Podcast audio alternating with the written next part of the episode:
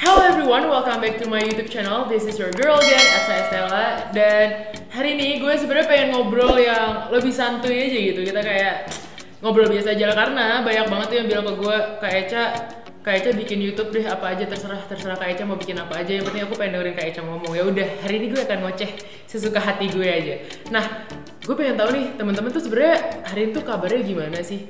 apa yang lo rasain? Coba kalian sambil nonton ini nih ya kan, gak usah di pause, gak usah di pause, sambil gue ngoceh aja. Lu tulis nih di bawah gitu kan, e, Kak Eca hari ini aku lagi sedih, atau Kak Eca hari ini gue lagi seneng, atau Kak Eca e, perasaan gue selalu seneng, gue gak pernah sedih gitu kan. Ya jadi gue pengen tahu nih apa kabar kalian semua, gimana dietnya gitu kan, sekalian curhat. Jadi gue tuh seneng kalau bisa berkomunikasi dengan kalian semua gitu. Nah, Interestingnya, salah satu yang pengen gue bahas hari ini itu adalah berkaitan dengan perasaan teman-teman semua gitu. Jadi uh, kalau misalnya dibilang gitu kan, ada lu, lu banyak gak sih di medsos akhir-akhir ini ya bilang gitu kan, gue aja nih sering dikatain nih gue, tapi padahal gue bingung gitu kan. Cak, lu tuh toxic positivity tau gak gitu kan. Akhirnya karena gue gedek nih kan gue dibilang toxic toxic toxic toxic gitu kan emang toxic positivity itu sebenarnya apa gitu kan. Jadi kalau misalnya lu mau bilang gue toxic positivity ya well I'm, I'm human too gitu kan. Gue nggak bisa bilang gue nggak pernah toxic buat orang lain. Mungkin at some point gue pernah gitu. Jadi ya yaudah deh ayo deh kita sama-sama sekarang bahas toxic positivity itu apa sih supaya kita nggak jadi toxic buat satu sama lain. Nah yang pertama berarti berarti kan kita harus tahu nih toxic positivity itu apa sih supaya lebih meyakinkan dan ini bukan ngada-ngada dari Etsa Estella aja. Akhirnya kemarin gue tuh bener-bener searching gue baca dari salah satu website yang ngomonginnya psikologi semua. Editor tolong taruh di sini ya yang jelas yang terpampang gitu. Karena gue nggak hafal juga sebenarnya isinya. Tapi intinya adalah yang dari yang gue baca adalah toxic positivity itu sebenarnya adalah kondisi di mana lo itu tidak mau menerima emosi negatif lo. Jadi lo tuh apa pun nih lo mau hujan badai mau ngapain juga mau ada corona kayak mau ada siapa kerabat lo yang meninggal lo nggak kok apa-apa gue tegar gitu. Kayak kamu kayak gitu. Tapi sebenarnya tuh lu dalam hati tuh sedih lu segala macam. Tapi lu tuh nggak mau mengaku itu gitu. Jadi lu rasanya kayak enggak gue tuh manusia yang tegar. Gue tuh manusia yang kuat gitu kan. Sampai ya mungkin ya teman gue tuh ada yang bilang ke gue kalau gue tuh kayak gitu juga gitu. Padahal gue ngerasa nggak kayak gitu. Orang orang gue tetap nangis gitu kan. E, tanya deh nyokap gue atau teman-teman deket gue gue tuh masih yang yang lo kok hidup berat banget ya? Ini udah saatnya gue bilang kok hidup gini-gini amat ya gitu. Gue tuh udah berasa sampai kayak gitu. Tapi karena kan kita ngerasa gak mungkin dong gue nge-share semuanya ke sosial media. Kita juga punya uh, apa namanya privasi gitu nggak semuanya perlu di-share gitu. Jadi uh, ada beberapa yang gue umpetin tapi dianggapnya tuh kayak toxic positivity padahal sih sebenarnya nggak juga gitu. Jadi um, it's okay to feel sad about something kalau lu ngerasain sedih gitu. Kalau misalnya kayak tadi gue tanya gitu kan uh, lu apa kabar nih? gitu kan. Kalau lu bilang misalnya ah nggak gue selalu baik gitu kan. Padahal justru kalau misalnya lu selalu baik bagi dokter yang bilang definisi toxic positivity tadi itu adalah sebuah apa ya sebuah kesalahan yang patut dicurigai gitu bagi apa dokter-dokter dan para para terapis. Jadi um, sekarang gue bakal ngebahas nih toxic positivity itu bisa datangnya dari mana aja sih gitu kan? Apakah dari Etsa Estella gitu kan yang sedang kalian tonton? Apakah dari keluarga kalian dari teman kalian kerabat pacar siapa aja gitu kan? Nah nah lagi. Nah nah lagi. Eh, diulang-ulang terus. Nah inti gue gak bisa. Intinya toxic positivity itu bisa datang dari mana aja. Even dari orang-orang yang menurut lu yang bisa lu percaya. Kayak misalnya keluarga lu. Misalnya nih lu bilang gitu kan mama aku stres. Terus tiba-tiba mama lu bilang adek kamu itu kurang ibadah. Kamu tuh nggak stres. Allah masih kecil kok udah stres. Stres apa sih? Gitu kan. Itu kan tadinya nyokap nyokap lu itu tidak memvalidasi atau tidak mengiyakan tidak menyetujui bahwa lu tuh stres gitu kan. Itu bentuk salah satu bentuk dari toxic positivity gitu kan. Tadinya nyokap lu tuh nyuruh kayak udah lalu tuh anak kecil lu harusnya senang-senang aja. Padahal kenyataannya gitu kan kita sebagai anak muda uh, ya ya ya misalnya kita lu gue gue cek nggak di plus gebetan aja gue baper gue sedih gitu kan. Jadi itu bagi gue tuh berat gitu kan. Tapi mungkin bagi nyokap gue ah ah ya lu gampang tinggal cari aja pacar yang banyak gitu kan misalnya gitu kan. Nyokap gue nontonin dari sana jadi kayak gue bilangnya misalnya ya gitu. Nah yang kedua bisa juga dari teman-teman lu. Misalnya nih teman lu lu cerita nih eh gue lagi sedih nih diputusin pacar. Terus temen lu bilang nih masih bagus lu diputusin doang gue udah diputusin diselingkuhin lagi. Gitu kan. Misalnya kayak gitu itu kan apa sih nih teman gitu kan? Kenapa gue temenan sama lu sih? gitu. Jadi itu adalah sesuatu bentuk dari toxic positivity yang kayak lu tuh disuruh mikirnya ah itu masih mending gak seburuk itu. Padahal ya harusnya nih ya sebagai temen dia tuh mikir bahwa lu juga bisa merasakan sakit loh. Harusnya dia ngerti gitu kan. Gak apa ya mungkin pengalaman orang beda-beda. Harusnya dia menyadari bahwa ketahanan hati seseorang itu juga beda-beda gitu kan. Kayak gue disentil dikit aja baper. Nah bisa juga kadang tuh dari diri sendiri. Ini sih yang gue baru sadarin ya dari diri sendiri. Jadi gue itu uh, nenek gue itu baru meninggal beberapa hari yang lalu. Beberapa hari udah mau sebulan sih sebenarnya. Jadi tapi gue tuh lari-larian terus dari rasa sakitnya. Gue inget banget gue curhat ke teman gue gitu kan. Aduh gue gak mau rasain sedih gue gak mau inget gue gak mau ini gitu kan. Jadi kayak seakan-akan gue ingin melupakan nenek gue gitu. Padahal kalau misalnya ya lu kehilangan orang yang lu sayang gitu kan ya wajar gak sih kalau misalnya lu sedih gitu kan? Harusnya ya lu rasain aja gitu. Jadi tapi kadang diri kita sendiri yang kayak ah gue gak ikhlas nangisin dia. Lu diputusin pacar karena pacar lu brengski gitu kan. Jadi kayak enggak gue jijik nangisin dia. Padahal tuh hati lu udah tersayat-sayat gitu kan. Jadi uh, kadang diri lu sendiri yang menjadi toksik ke lu sendiri gitu. Misalnya jadi kalau lu bilang misalnya Esa Estella ya mungkin lu mau bercermin ke diri lu sendiri gitu kan. Mungkin lo juga bercanda diri lo bercanda netizen. Nah terus uh, bisa juga lu ngeliat toxic positivity itu dari sosmed jadi misalnya ya oke okay, mungkin kalau lu merasa gue toxic bagi lu oke okay, gue terima walaupun gue tidak apa ya tidak berintention untuk melakukan itu. Jadi kadang kita tuh ngeliat uh, influencer atau yang lain sebagainya gitu kayaknya tuh dia uh, kok gak stres ya? Kok kayak hidup dia bahagia banget gitu? Kayak kok dia kuat melakukan apa pun gitu walaupun mungkin sebenarnya di belakangnya dia ada struggle-nya tersendiri, ada masalahnya tersendiri, tapi kan dia nggak nunjukin. Nah, yang lo lihat itu kan senangnya doang. Jadi itu bisa jadi toxic ke lo gitu. Walaupun yang dimaksud itu nggak toxic. Ciri-ciri orang yang toxic tuh sebenarnya gimana sih? Gue aja, gue kan gue tuh bingung oke okay, jadi sebenarnya gue tuh toxic apa enggak gitu kan jadi gue tuh sebenarnya ya kalau misalnya di, dibilang orang uh, sebagai sesuatu yang buruk atau gimana gue tuh nggak yang langsung oh enggak gue enggak gitu. Tapi gue berusaha mencari tahu dulu. Jadi gue tuh bener-bener nyari nih emang kalau orang toxic itu ciri-cirinya gimana sih? Bisa editor tolong di sini lagi ya soalnya ada ini lumayan panjang terus gue juga nggak hafal ya mohon maaf. Ada dari salah satu uh, website juga dari thepsychologygroup.com jadi dia tuh emang isinya ngebahas tentang mental health dan psikologis kita gitu. Uh, jadi ciri-cirinya yang pertama itu ada lo tuh menyembunyikan perasaan lo yang sesungguhnya gitu. Jadi kan misalnya lo abis putus gitu kan datang ke sekolah ini gue banget nih gue ceritakan eh gak, gak gue gak pernah putus nih gue gue jomblo seumur hidup. Tapi maksudnya misalnya gue abis di friendzone nih gue baru tahu kan oh gebetan gue jadi jadian sama teman gue sendiri itu kan sampai belibet gue saking ingetnya nih. Terus gue datang kan ke sekolah terus habis itu ketemu tuh sama gebetan gue Hai Ca gitu kan dia nyapa. Padahal gue tuh udah udah udah udah mm, udah sakit banget tuh ngeliat muka dia kan. Tapi gue kayak Hai gitu kan masih yang kayak oh iya iya gue seneng banget Ica iya gue juga seneng buat lo padahal dalam hati kayak gitu kan. Jadi canda gebetan. Jadi intinya lo tuh menyembunyikan perasaan banget seakan-akan kayak lo tuh nggak boleh ngerasain hal itu gitu.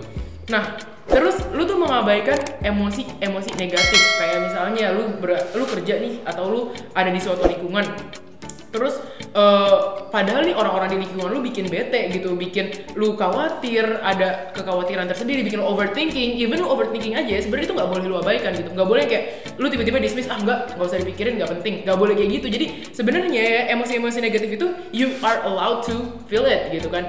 Lo diperbolehkan untuk merasakan itu. Ntar gue diomelin lagi nggak ada subtitlenya. Oh ya kalau boleh kalau gue ngomong bahasa Inggris tolong editor subtitle ntar gue diomelin soalnya. Makasih gitu kan. Nah terus lu ngerasa bersalah kalau lu sedih ini ini gue banget sih jadi mungkin gue nggak toksik ke orang lain tapi gue tuh suka ngerasa bersalah kalau gue sedih atau gue merasakan uh, kesepian jadi gue tuh kan orangnya sibuk banget dan kadang gue tuh suka Hai teman, kalau kamu nonton ini maaf ya aku suka lupa balas chat kamu. Tapi maksudnya uh, gue tuh suka lupa balas chat orang-orang dan lain sebagainya sampai akhirnya gue ngerasa kesepian sendiri gitu loh di tengah kesibukan gue. Jadi gue tuh tapi gue gengsi untuk mengakui bahwa oh iya ya gue tuh kesepian loh. Oh iya ya gue tuh juga sedih loh dan gue tuh suka merasa bersalah kalau uh, merasakan hal tersebut. Makanya gue cuma bisa terbuka ke beberapa orang aja. Nyontek dulu bentar. Oh iya. Terus yang ke gue ke berapa sih tadi? satu dua tiga ini yang keempat ternyata keempat itu ada uh, memberikan saran entah ke diri lu atau ke orang sekitar lu lu bilang ya udahlah masih bagus lu nggak begini ya udahlah masih bagus nggak kayak gitu gitu jadi kalau ada yang curhat ke lu atau lu merasakan suatu musibah merasakan emosi negatif seenggaknya harusnya lu validasi dulu lah diri lu oh iya ya oke gue sedih. Lu terima tuh perasaan sedih lu itu. Jadi jangan tiba-tiba teman lu mentang-mentang lu lu ngerasa struggle hidup lu lebih berat dari temen lu, lu bilang ya elah lu gitu doang. Jangan kayak gitu gitu loh, karena mungkin yang orang lain rasain itu bagi dia tuh udah berat banget. Dan mungkin gue tuh ngerasa ya, gue tuh selalu ngerasa bahwa kita tuh punya struggle dan porsinya masing-masing. Kalau lu sekarang hidupnya lebih berat, mungkin ntar ke sananya lu hidupnya lebih enteng, terus ntar temen lu uh, bakal lebih berat di masa depan. Mereka baru ngerasain struggle itu di masa depan gitu. Makanya kita nggak bisa uh, tiba-tiba bilang ya elah gitu doang cuma karena kita udah punya pengalaman yang lebih. Nah, terus uh, yang terakhir itu ada kayak lu ngebodo amatin hal-hal di sekitar lu. Kayak misalnya nih lu uh, mengalami kesedihan gitu kan. Uh, misalnya lu oh misalnya lu dikatain gitu kan. Lu dikatain dikatain gendut. Misalnya ini ini contoh dari gue deh. Contoh lu dikatain gendut gitu kan orang-orang sekitar lu ngatain lu gendut segala macem. Terus lu bilang ya udahlah mau gimana lagi terus lu berusaha menerima segala kekurangan lu padahal kekurangan lu itu juga ya lu nggak wajib menerima kekurangan itu. Kalau lu bisa memperbaikinya ya nggak? Kalau misalnya lu gendut gitu kan udah tahu itu nggak sehat segala macam ya lu perbaikin diri lu dong bukannya lu pasrah. Karena positif menerima diri lu sama lu pasrah itu beda. Jadi kalau misalnya andainya lu udah tahu hal itu buruk dan itu bisa diperbaiki terus lu bilang ah ya udahlah gue terima aja gue bersyukur. Itu itu namanya lu bukan bersyukur itu namanya pasrah jadi uh, kenapa sih? Uh, terus kan ini tuh uh, kesannya tuh toxic positivity itu buruk banget gitu kan. Ya karena emang buruk sih gue nggak bohong emang buruk. Jadi even dampaknya ke badan kita aja itu lu bisa akan lu bisa merasakan uh, sakit secara fisik juga karena to toxic positivity ini. Jadi pertama kalau lu terjebak dalam siklus toxic positivity tok cuy toxic positivity tadi gitu kan. Yang enak cak ngomongnya. Oke. Okay itu lu bisa ngerasain malu terhadap perasaan lu dan uh, dibuktikan ya menurut beberapa dokter psikologis gitu merasa perasaan malu atau shame itu adalah perasaan yang sangat amat tidak nyaman gitu kan. Jadi uh, kalau di dunia psikologis gitu gak boleh uh, diusahakan supaya perasaan lu hati lu itu nyaman gitu. Jadi kalau misalnya lu ngerasain malu segala macam mau curhat aja susah gitu kan. Uh, even saudara-saudara gue itu ada beberapa yang kalau misalnya sedih itu tuh nggak bisa nunjukin perasaannya gitu. Jadi kayak gue ngeliatnya juga aduh sedih gitu kan kasihan. Dia dipendem aja sampai akhirnya dia malah menyakiti dirinya sendiri untuk uh, ngerilis perasaan sakit itu. Terus yang kedua ada emosinya jadi kependam jadi uh, biasanya kan ada orang yang kayak kalau marah gue marah. Kalau sedih gue sedih gitu kan. Ada beberapa orang yang nggak bisa nunjukin itu gitu loh. Mau dia sesedih apa pun semarah apa pun dia udah dia diem. Jadinya dingin gitu kan. Apa yang terjadi kalau misalnya dia kayak gitu? Ternyata itu tuh jadi apa ya ngekat memotong ngebreak menghancurkan koneksi ke orang lain gitu kan. Jadi kalau misalnya kita sesama manusia nih ternyata kita itu dihubungkan oleh perasaan emosional. Jadi kalau misalnya lu eh, nggak uh, bisa sedih lu nggak bisa ngerasain sakit hati gitu kan orang tuh nggak bisa relate sama lu. Jadi kayak misalnya gue ketemu cowok nih udah cakep segala macam tapi kok nih orang kayaknya hidupnya bahagia banget segala macam gitu kan. Itu kayak lu mau curhat lu mau ngebuka insecurities lu mau terbuka mau kenal lebih intim sama orang itu rasanya tuh susah karena kesannya dia nggak punya emosi lain selain positivity tadi gitu. Dan yang terakhir lu bisa mengisolasi diri lu terus lu jadi uh, apa ya hubungan-hubungan lu itu bermasalah. Entah itu sama pacar lu entah itu sama teman lu entah itu sama keluarga lu gitu. Dan eventually ujungnya itu bisa menyebabkan stres berlebih ke badan lu gitu. Dan saat lo mengalami stres berlebih gue inget banget dulu itu gue sering banget stres sampai bener-bener gak bisa masuk gak bisa masuk sekolah.